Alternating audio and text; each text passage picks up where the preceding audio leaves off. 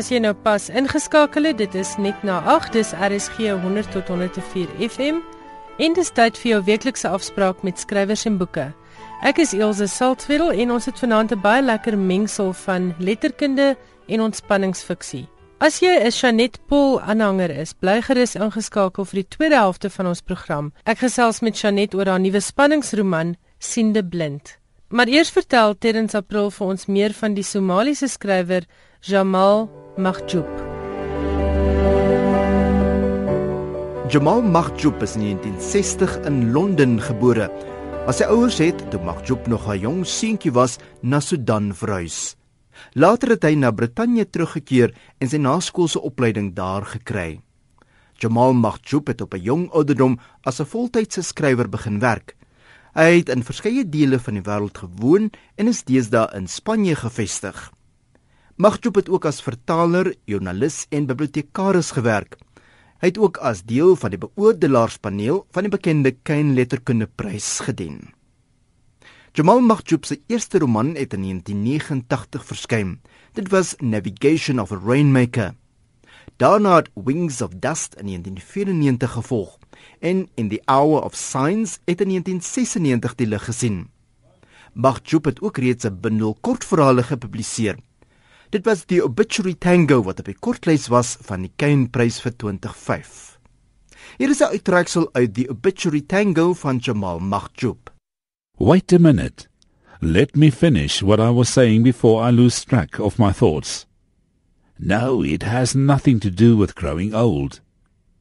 Salwa said the same thing to me years ago when the children were barely walking and she was suffering the way all women suffer when they start to lose their looks. You never finish your sentences. You never say what you set out to say. Of course, she was right then, and she would still be right now if I had not divorced her. I would be the first to admit it. I blame the age we live in. Who has the time these days to finish anything? I ask you. It's like a disease. I mean, a condition that everyone suffers from, but no one talks about. Your thoughts skip from one subject to another so lightly that you barely realize. Like a bird pecking at seeds scattered on the ground. Here, there, everywhere. Dit was die openingsreels van die Obituary Tango van Jamal Mahjoub.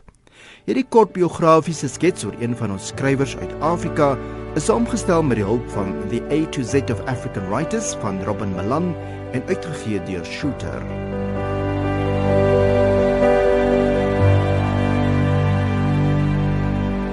Dankie Terrence.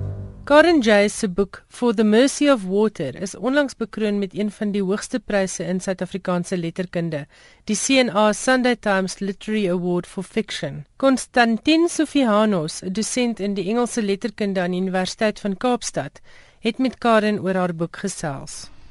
In 2009, Karen Jay's short story Where He Will Leave His Shoes was awarded the inaugural South African Short Story Prize overseen by the writers' organization PEN a competition judged in that year by J.M. Coetzee.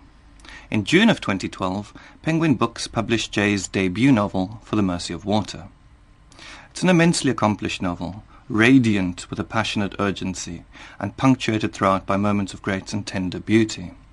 For the Mercy of Water has recently been distinguished with the annual Sunday Times Fiction Prize for the Best Novel of the Year, and in their comments the judges praised the book as a work of rare imagination and style, evocative, textured, and a tale so compelling as to become an enduring landmark in contemporary fiction. This has deserved praise indeed. I'm very pleased to be chatting today to Karen Jayes herself, who joins me in the studio. Karen, welcome and congratulations. Thank you, Constantine.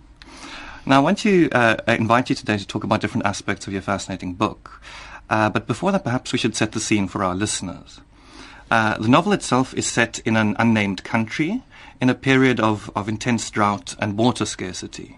Water itself has been privatized, corporatized, and is now controlled by the company and its armed security forces.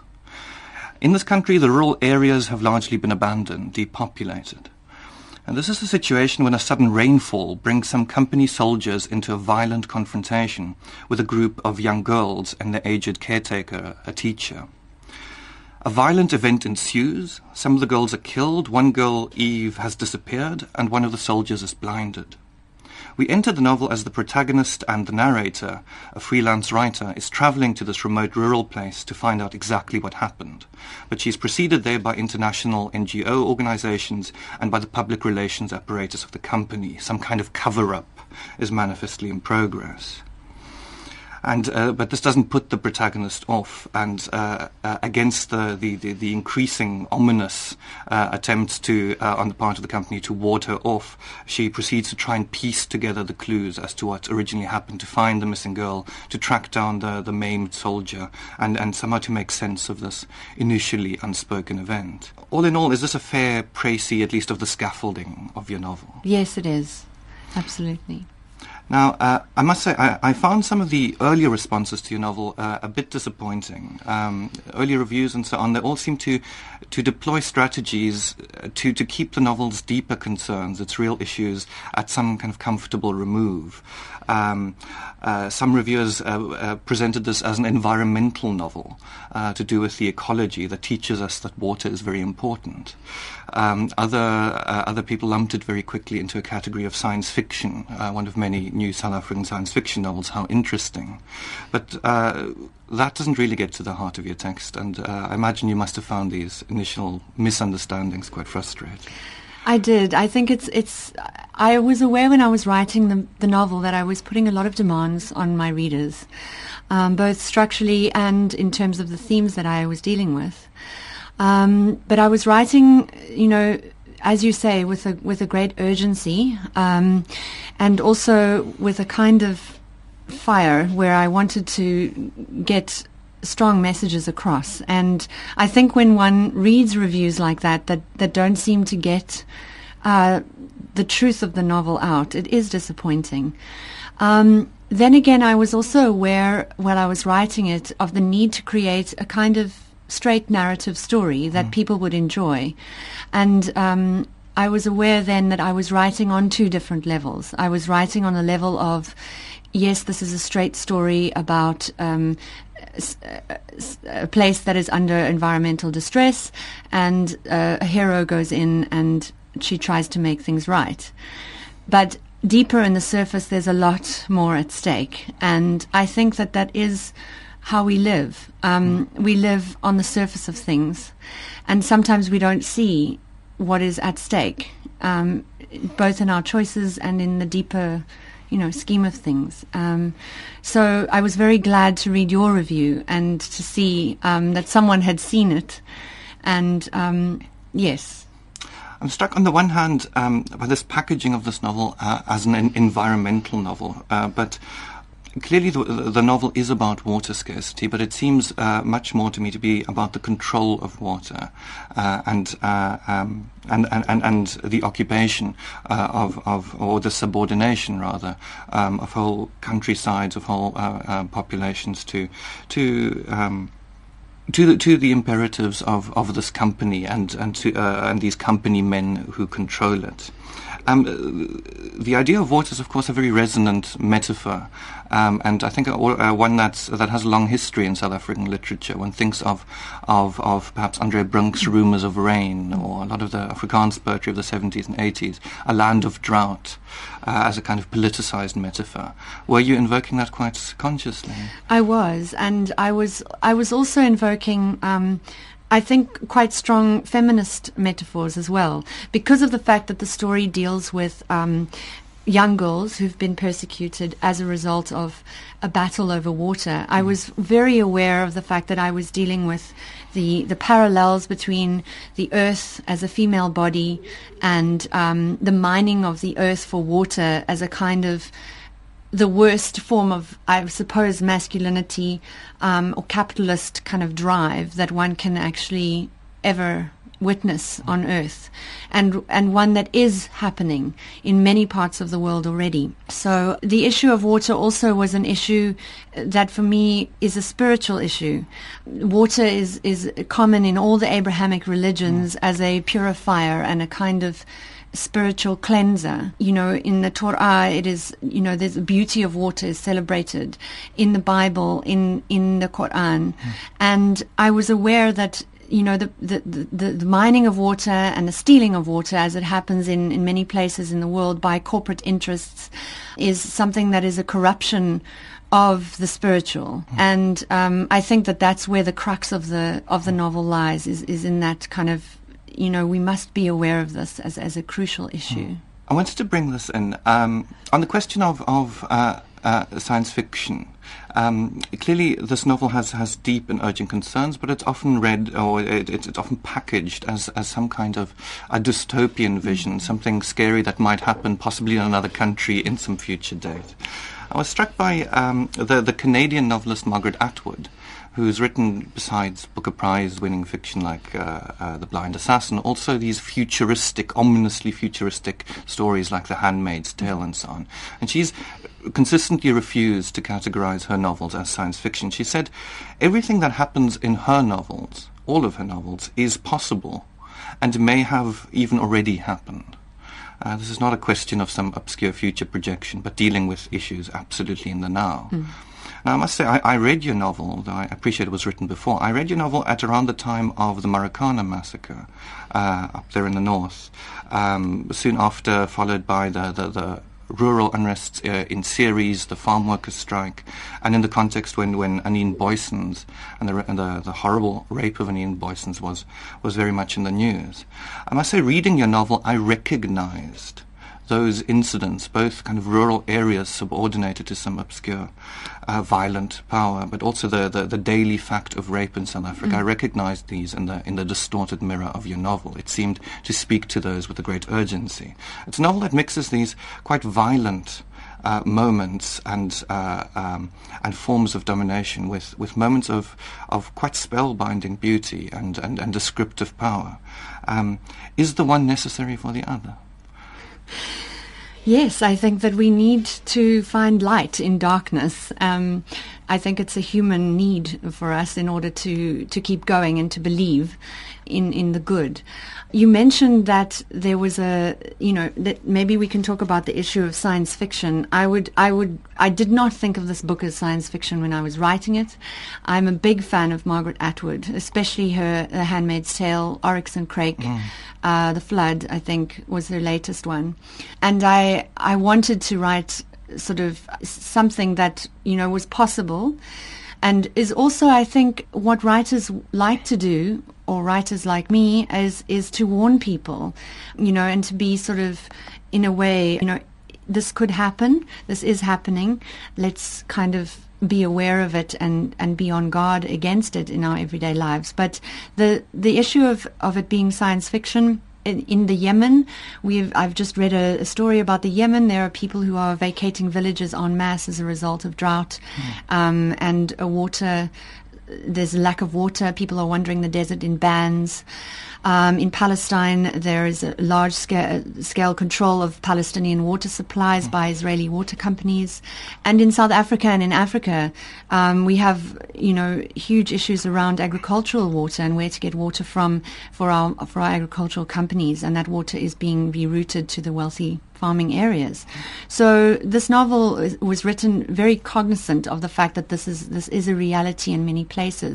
But I think what makes it dystopi- dystopian in many people's minds is the fact that I haven't dealt with any names, and I haven't placed it in any particular place.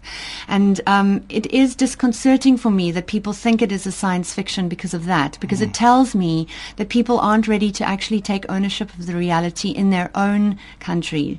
Um, they like to project put it somewhere else. They like to think, oh, well, this is in the future, or this is somewhere else. This isn't here. But uh, then again, there are people who say, well, this is here and this is now.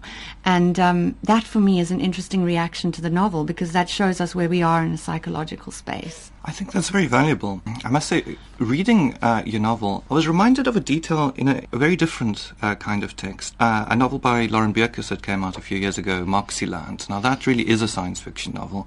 It's uh, set in a, a, in a Cape Town uh, around 2018, 2019, futurized but also corporatized Cape Town. Interesting detail on that novel is in that future South African society, uh, the rural areas have effectively been walled off. A kind of Israel-Palestine dividing wall separates the, the few urban spaces of the country from the countryside from the rural areas. And what happens beyond that wall, no one knows and no one cares and so there's something ominous going on there, but you dare not look. And and that seemed to capture for me uh, some truth about how South African city dwellers really look on the rest of the country as something disturbing happening on. The exciting thing about your novel is that it transgresses that border very determinately. It opens onto a very vividly apprehended a rural scene, natural landscape, uh, wonderful detail. But then it keeps crossing back into the city. It traces the links of this company organization from the countryside and its uh, and the spaces of the city. Then it goes back again, and it's almost as if the city spaces in your novel, the people who inhabit them, um, live blind. They don't see the full picture. They don't uh, understand, mm. and they don't want to understand. Is this movement between a rural and urban? Uh, I think is very central to your novel, but mm. it's it, it, it, seems to be also a political commitment. Yes, absolutely. Well, the cities obviously they, they, they represent to me the, the, conquering, the places of the conqueror, the empires, the places of, uh, I think, material success. But as you can see in my city in this novel, it is manifesting aspects of decay. Mm. Buildings are being overrun by weeds and sand. And for me, there was a, I wanted to show the way that nature triumphs mm. over time. And the way that good triumphs over time is that evil kind of manifests itself and and moves and and sort of enjoys some success, but then over time, good sort of overla- buries it in itself. And the good is represented by the natural, the the earth, the soil, the very shape of each grain of sand, um, the shape of a flower, the feel of a leaf. And in order to write like this, I really had to go um, to places. For example, I'll give you an example. I was in the Northern Cape when I sort of hatched the novel, and well, it hatched in me, and I had, um, you know, I was in the middle of the desert, and I was actually lying down on the sand. And I was looking at the earth, and I was running my hands up and down and feeling the, soil, and I was trying very hard to to connect with that element of our existence. Um, because I felt, feel that in our sanitized corporate technologically um, adept environments, we have become separated by a wall mm. from our very natures and um, the thing that makes us whole, which is the earth and our connectedness to it. And that's why I went into such detail in terms of describing the natural and describing uh, the way the cliffs are shaped and using descriptions where people would be able to picture it very clearly um, so that they can it could stir within them a sense of the spiritual if you like and that that very strong connection. And that had to triumph in the novel. It had to triumph mm. all the time um, because I was dealing with themes of great darkness and conquest on the other hand. So yes, the city needed it, needed to be the city, and the desert and the and the nature needed to be itself, and there needed to be movement between because there is always movement hmm. in us between those two things. I must say, as a reviewer, um, it, I find it a, a, very challenging task to suggest to readers who haven't yet read the book what the experience of reading it is like. Uh, and that's determined by, by uh, just the quality of the descriptive language. Uh, I mean, reading For the Mercy of Water is uh, an immersive experience. Uh, you take uh, your protagonist initially through this journey towards this rural area where this event happened, but the the experience of of reading that journey as a reader is, is quite overwhelming. Um, you're you're led through this landscape of of crouching low trees, of um, of muddy riverbanks, kind of crumbling uh, uh along, of strange straight-necked birds. Every detail is so vividly apprehended and so vividly evoked, as if seen for the first time, as I've seen with new eyes. And uh, that is a very intense experience of of uh, of apprehension. Um, you experience the world you create as a reader. You experience it as a kind of IMAX. It's uh, working on you in in, in, in three-dimensional uh, suggestiveness at all times. Uh, and the remarkable thing is that that quality of descriptive evocation, immensely suggestive, um, entirely free of cliches, I should say, it doesn't abate for the whole duration of the novel. after a while, reading pages and pages of this immensely powerful uh, description, you you uh, you experience something like an elation, a, a, form of exhilaration as the reader. I mean, is this how you experience the world? It's very difficult for me to live in a city and to to see the way I see things. And yes, I suppose I'm constantly trying to restore the sense of natural beauty um, in things. I'm I walk, I look at the birds, and I look at the sand, and I I look at the trees, and I stop and I I touch them a lot, and all of that, because I think I'm longing for for that return, like we all are. And I think uh, many of us, you know, in order, to, I, I, what I loved what you said in your review was what I'm trying to do with the novel is to restore the natural world to itself um, to restore the earth to itself in, in, a time of conquest when water is being taken. Or let's just take this out and, and, and make another parallel. If we, if we take um, the earth as our imaginations, our imaginations are being conquered and being mined by various forces at play in the world. For example, mass advertising, hackneyed television. Those are the things that are mining our imaginations. Uh-huh. And the only way that we can restore our imaginations and to, to fight that is to have some sort of break from it and to try and reclaim the beauty in, in the things that, that make us feel human and whole. Vandag is 14 Augustus en ook Afrikaanse Taaldag. So ek wil luisteraars aanmoedig om ten minste een Afrikaanse boek te koop hierdie maand. Op daardie manier maak jy nie net 'n skrywer se hart bly nie, maar jy dra ook by tot die groei van Afrikaans. Maar nou terug na ons gesprek tussen Konstantin Sofianos en Karen Jays oor haar boek For the Mercy of Water. One of the remarkable things about this novel, and I think the reason it has received so much uh, uh, and uh, acclaim and building acclaim, is is the the fact that it seems to make the English language itself work uh, in a way that very few South African novels in English do, and it has an ear for the music and texture uh, um, of the language itself, that it uh, is able to convey uh, the details of everyday situations, rural spaces, uh, urban uh, sites, the um, the flaking apartment building cast in a mustard yellow light in a particularly gloomy side of town. It's immensely suggestive. Um, at the same time, everything in this novel seems sincere, as if the world of the novel is apprehended with something like awe, with a kind of reverence. Um, at the same time, a very technically difficult thing to do. So I'm fascinated by the paradoxes that once an elegant, technically elegant novel, but also a completely sincere one. And I suppose that's, that must come out of your own peculiar relation to the world, but also just uh, uh, from a long writer's apprentice that you have mastered your craft at some point.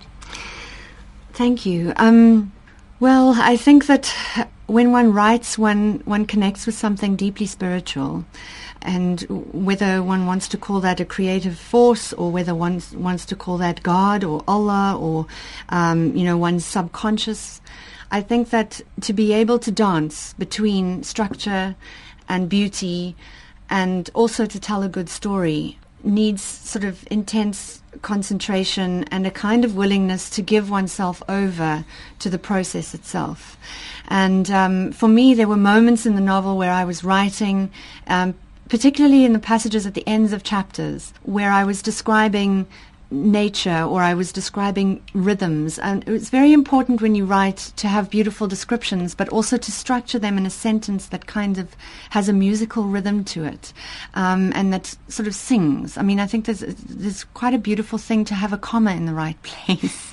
um, those things are very important. And I think that I got it right because I gave myself over to the process. And I remember sitting back after these moments and of these sentences sort of uh, forming themselves and, and being able to, to sort of witness this happening in myself, if that makes sense. And to just look up and to just say, I want more of this. Can you give me more of this? Please, because it's, it's wonderful. And I think that, uh, this happens in, in the arts, you know, when and many artists speak about about these moments of clarity and epiphanies and whatever you'd like to call them. So my apprenticeship as a writer, is, I think I like to think, is only beginning. Um, I started to write at a very young age, at the age of eleven. Uh, a teacher recognized that I had some talent, and then I wrote in secret up to the age of twenty-four years old, um, and I didn't show anyone anything, and you know, kept it to myself like a secret and. I think that my apprenticeship was is is just something that is a deeply spiritual need in me to to write and to to use you know what I'm here to do and I'm glad that I've found a place where I can do it. I think as a writer, you see the world in a different way. As you mentioned, uh, Constantine, that, that you see, uh, you know, we see great detail. Um, some of us see characters in a, in a very particularly stoic and sort of solid light. I think growing up, I was always, I always felt like I was separate from things. Um, you know, I think writers are made by their environments. Yes, they, you know, we have an, you have an innate talent and need to write, but I think your precise style is cultivated by the environment that you, uh, or the environments that you move through. And for me, um, in my faith, th- the Prophet Muhammad said something very beautiful, and he said that blessed are the strangers that walk on this earth, and that it was okay to see things and be separate from things. And, uh, you know, that's what I believe helps me along my journey is, is just the sense of being a stranger to things and keeping oneself separate from the corporate uh, monster and keeping oneself separate from the political monster because one can often, you know, be led into politics with pure good intentions and become swallowed by rhetoric and bureaucracy and, and so drown in it. And it's a constant fight as an individual to be an individual and to to keep being a stranger and to find other strangers as well.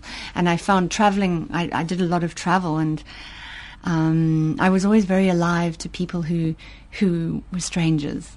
So I, yeah, that's that's my stance, and that's how I see things that does seem to be very central to your novel. I mean, reading it the first time, I think I, like most readers, uh, was just struck by the, the, just the quality, the vividness of the descriptions. The second time around, uh, I was much more fascinated by your mode of characterization. Now, in this novel, uh, it's set in a kind of unnamed place, but the characters uh, themselves, with the exception of the girl Eve, uh, who's disappeared, are themselves unnamed and therefore also unraced um, they're referred to uh, by their job descriptions or by their institutional titles. You have uh, the journalist from the kind of alternative press. You have the warden of a female's prison. You have a nurse at the hospital. Uh, you have the principal of an NGO organization. Now that's a daring move in itself not to give your characters names. Remarkably, they, they stand out as individuated, complex people uh, very quickly. But there's a recurrent sense I have that these characters, they're sympathetic often to the protagonist's quest to piece together the different clues to the story. They're often sympathetic to the girls themselves and to the, the, the kind of violent, uh, uh, uh the violence that these girls suffered to. They undertake hesitantly to help the protagonist uh, in some points, but they, you show quite clearly how they themselves are caught in their administrative or institutional role, that they cannot afford not to get a wage or a paycheck next month. They they're afraid of, of, of both the company but also their superiors of their uh, social position. There's a constant sense where these characters are trapped uh, in their administrative function, in their job titles, and where there's an impulse uh, towards human sympathy to reach out to help to other people, that's always constrained by the, the institutional, bureaucratized place they're in. Mm-hmm. Because that's real. That's how it is. I think that that's that is the the predicament that we find ourselves in is the very system that we live within enslaves us to its own sort of principles and values, and it, it sort of puts us into our roles uh, or the roles that it needs in order to survive. We need to do certain things in order to survive, and that's the reality of it. And it's something that we can't escape. We can escape it through moments of interaction of goodness. We can escape it through helping other people. We can escape it through doing something daring like the writer did mm. and fulfilling a good in daily interaction or in her sense it was a much longer adventure but I think that freedom has to come within the confines of a system, and that's the best that we can hope for. I wanted to create uh, unnamed characters in order for people to be able to transpose the story anywhere and to make it a story about anything and to make it something that was very close to them as well and that's why, as you mentioned before, it was quite difficult to read the early reviews that placed the book so far from people. Mm. In fact, this book is very close to people, and it's close, I would hope, to the heartbeat of everybody. But I also didn't want people to judge characters, and I wanted them to look at Mother and say, "Oh, Mother looks like this to me." And there are people who've come up to me and say, "Oh, Mother's definitely an African woman," and I say, "Really?" well, to me, she's not African at all. Mm. She's this. I'm not going to tell you because otherwise I'm going to I'm going to colonize people's imaginations. But um, I don't want I didn't want anybody to uh, judge the characters on their appearance. I wanted them to be judged on their values and what they represented, and to show the very real conflict between being caught in a system that nullifies compassion and making the decision to, as you say, hesitantly help.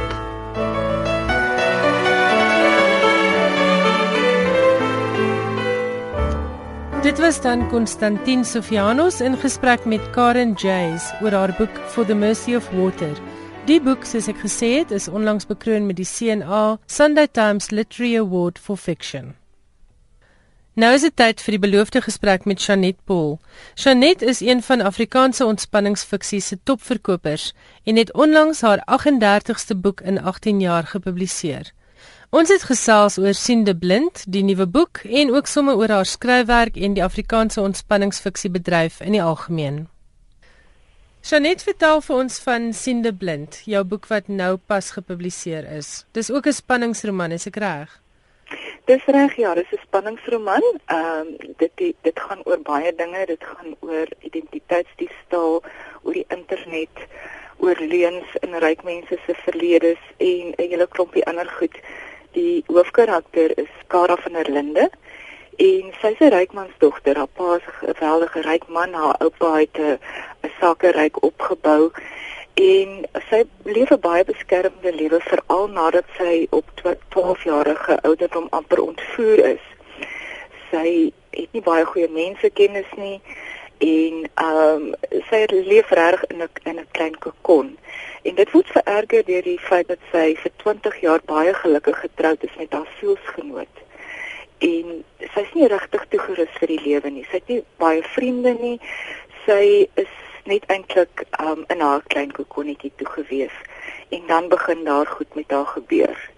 En die een ramp na die ander tref haar. Sy's 'n skrywer, sy begin met romanses en dan skryf sy later hierdie um 'n topverkoper boek wat gaan losweg gaan oor die van van der Linde familie. Maar geleidelik kom sy agter al die dinge wat sy gedink het die waarheid is, um wat in die van der Linde se lewe afgespeel het, is baie daarvan is leuns en daar kom 'n paar lelike dinge uit en sy weet dan later nie meer wat is waarheid en wat is leuns nie. En dit is waar die motief van die wet inkom, daardie optiese illusie wat te gelykertyd twee dinge is en ehm um, te gelykertyd ewe daar is en nie daar is nie. En sy beland dan nou in 'n stryd om egter te kom uh, stryd vir oorlewing om agter te kom wat gaan aan. En dit is eintlik waaroor die storie gaan, is hierdie oorlewing van haar. Maar hier is 'n kwessie van identiteitsdiefstal ter sprake en sy skryf onder 'n skuilnaam. Vertel gou net so sonder om die geheim weg te gee, min of meer wat dan gebeur wat haar in hierdie groot ellende laat beland. Ja, sy skryf onder 'n skuilnaam juis omdat sy ehm um, die van der Lindes as uh, uh jy weet die boek Blosweg op die van der Lindes baseer. Haar pa en haar oupa was beide uh, broederbonders gewees en sy stel hulle dan nou nie baie goed in 'n uh, in 'n goeie lig in hierdie boek nie. En daarom moet sy ehm um, haar skuilnaam ten strengste geheim hou sodat hulle sodat haar pa nie daarvan te hore kom nie. en dan gebeur daar snaakse dinge met haar rekenaar en sy kry nie meer toegang tot ehm um, sekere goed wat uh, onder die skuilnaam se uh, rekeninge is nie en sy weet nie eintlik mooi wat aan aangaan nie en dan kom sy agter maar iemand het haar persoonlikheid, haar skryfpersoonlikheid oorgeneem. En dit is natuurlik 'n groot dilemma. Dit is 'n enorme dilemma want eerstens ehm um, maak iemand nou asof sy Minion Maiden is. Dit is die die die skryfnaam wat sy gebruik. Hulle kry natuurlik die geld, hulle kry die roem. En ehm um, dit is net ek dink dit moet verskriklik wees om agter te kom maar iemand anders lei jou lewe. Uh, of dit nou of jy nou skrywer is of enige iets en en dit is iets wat my vreeslik geboei het toe ek opgelees het oor identiteitsdiefstal om te dink daar's iemand wat namens jou in in 'n amper in 'n ander dimensie uh, 'n lewe lei en en almal dink daardie persoon is is is is jy, jy? ja maar ja. dit is nie en en sy is magteloos sy kan nie veel daaraan doen nie want niemand gaan haar glo nie en sy kan in elk geval ook nie vir haar pa vertel van die boek nie Nee, sy kan nie en omdat sy so geïsoleerd groot geword het, het sy nie um, baie mense wat haar kan help nie. En dan die mense wat haar wel kan help, uh veral die een persoon um, sterf dan nou 'n uh, 'n wrede dood en een mens na die ander, die een moord na die ander word gepleeg sonder dat dit aanvanklik lyk soos moorde. En ja, sy be beland in 'n in 'n geweldige ehm um, dilemma en in 'n geweldige uh, ongemaklike situasie. En sy weet nie meer wie sy kan vertrou en wie sy nie kan vertrou nie. Sê net vir my, hierdie is dis anders as jou vorige paar romans. Hier's nie 'n speurder geis in nie, né? Nee. Nee, en ehm um, is hier is glad nie 'n speurder in of as ek sê daar is glad nie in nie. Daar is wel een my speel 'n geweldige klein rolletjie mens kom amper nie agterhuis daar nie. Ek het juis probeer wegbreek van Gys niemand af en die hele speur ding. Ek het reeds in labirint het ek uh, probeer wegbreek daarvan. Uh ek wou nie hê dit moet 'n speurder se storie wees nie. Ek wou juis sê dat dit Kara van der Linde se storie is. En dan is daar nou 'n ander ding wat ook natuurlik um, anders is in hierdie boeke as in my vorige boeke. En dis dat my vorige boeke draai baie keer om die ruimte, om die 'n huis in 'n dorpie en um hierdie huis en dorpie voed dan nou die atmosfeer van die boek. En in hierdie boek gaan dit juis oor uh, Kara se ontheemding. Die een huis na die ander word onder haar uitgeruk soos die mat matte na uh, uh, onder haar voete onder haar voete hmm. uitgeruk word. En sy sy vergelyk haarself dan later uh, met die Brenton Blue daardie skaarsste van skoenlappers wat uh, die mees bedreigde spesies op aarde is. En ehm um, soos hulle het sy net nie meer 'n habitat nie maar die Brenton Blue het nou net in een reservaat in die hele wêreld en dis in Brenton on Sea het hulle 'n uh, ehm um, is daar vir hulle is daar nog 'n plek waar hulle ten minste nog oorleef, maar sy het nie 'n reservaat nie en sy is totaal en al op haarself aangewese. So sy moet eintlik haar eie habitat weer van van niks af vind. En dis natuurlik ironies veral omdat sy vreeslik ryk is en eintlik dis die laaste ding wat sy verwag het. Ja, en en dit dit ek dink dit dui ook uh, baie spesifiek daarop dat geld help jou niks as as as sulke soort rampe op persoonlike vlak jou begin tref nie. Geld is nie die antwoord op enige iets as jou hele lewe omvergewerp word nie. Maar soos die genre aandui spanningsroman, is daar ook liefde hierin, né? Ek hou daarvan om liefde en spanning te vermeng. Dit is vir my twee uh, lekker voete waarop ek uh, kan staan en dan saam kan gooi dis vir my lekker om spanning te bou op albei vlakke met ander woorde op liefdesvlak sowel as die moorde en so aan wat dan nou gepleeg word in die verhaal. Jy is bekend vir die genre van liefdesroman. Hoekom dit? Hoekom het jy nie 'n ander genre gekies nie? Ek dink die, die genre het my miskien gekies uit 'n aardsromantikus. Die liefde is tog maar een van die belangrikste goed in ons lewens ek dink daar's baie min mense wat met 'n moord te doen kry, maar al die mense wat ek ken het al met die liefde te doen gekry. En dit is vir my 'n belangrike faktor in ons lewens, uh, hoe 'n mens lief kry, hoe mense die struikelblokke oorkom, waarmee jy te doen kry wanneer jy lief kry, hoe twee mense mekaar leer ken, op grond waarvan hulle mekaar lief kry. Uh, dit is dit leer vir my van wie en wat die mens is en ek hou daarvan om met my stories te probeer sin maak van die lewe. Hoeveelste boek is hierdie? Dis my 38ste een. In hoeveel jaar? 18 jaar. Ek het in 1995 begin skryf. Dit is baie indrukwekkend. Nou wil ek met jou praat oor iets wat ek weet jou soms heel verkeerd kan opvryf. Resensente wat Afrikaanse liefdesverhale en hierdie genre waarin jy so uitblink kritiseer. Hoe voel jy daaroor? Wat is jou antwoord vir iemand wat sê dit is nie regtig 'n genre waarvoor verskriklik baie talent nodig is nie? Ag, sien ek uh, I take it from whence it comes. Uh, hoe kan 'n mens 'n genre kritiseer? Kritiseer 'n boek en sê kyk, hierdie boek is nie goed geskryf nie. Maar moenie vir my sê dat een genre minder beteken as 'n ander genre of minder betekenisvol is nie. Dit vat net soveel vernuf, net soveel talent om 'n goeie romanse of spanningsroman of liefdesroman of wat ook al te skryf as wat dit neem om 'n Hertzogpryswenner te skryf. Dit is verskillende soorte lees uh, ervarings. Dit die teikenmark is anders.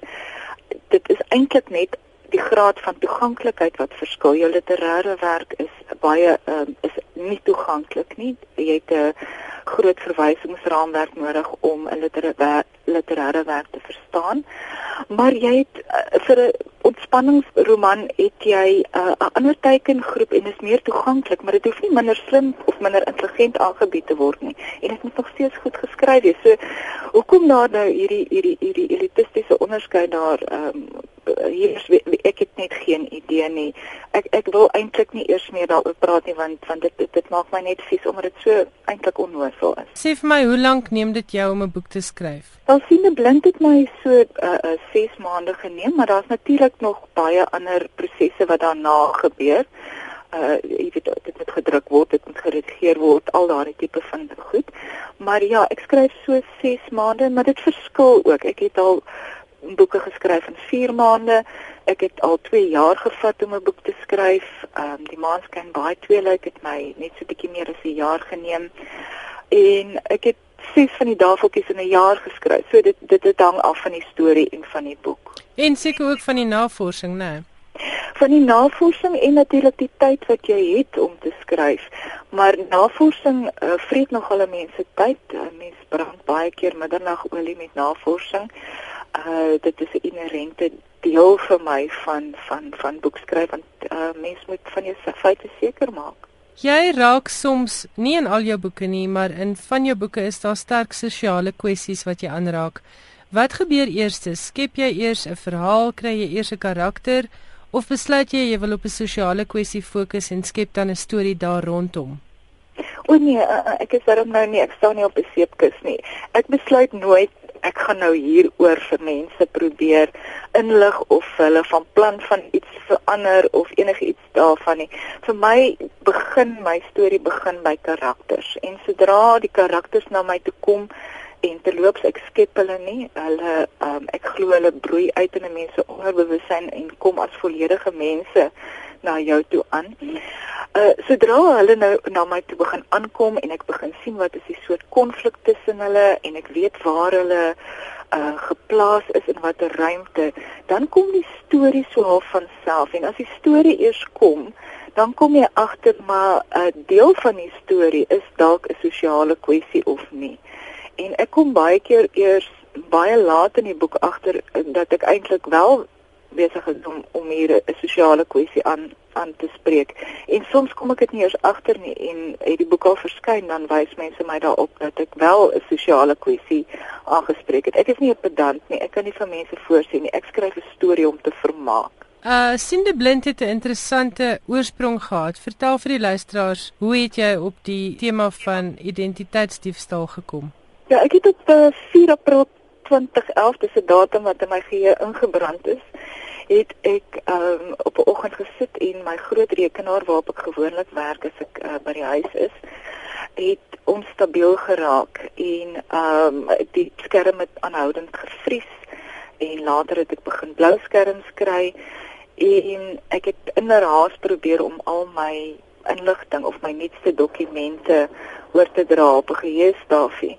Intussen moes die werk natuurlik aangaan en het ek my skootrekenaar oopgemaak langs my en gewag dat dit nou laai.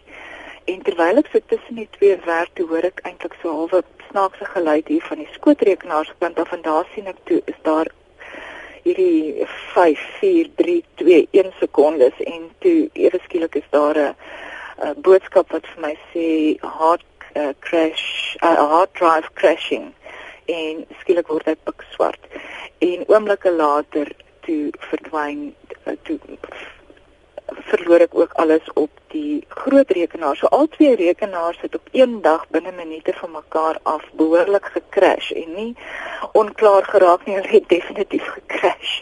En hoeveel skrywer is dit gebeur? Uh, uh, jy jy jy dit is onbeskryflik. Dit dit dit voel asof die mat heeltemal onder jou voete uitgeruk is. Ek was nie in daardie stadium seker hoeveel ek toe nou wel van my nuutste dokumente oorgedra gekry het nie. Ek is nie te vrot daarmee om om te backup nie.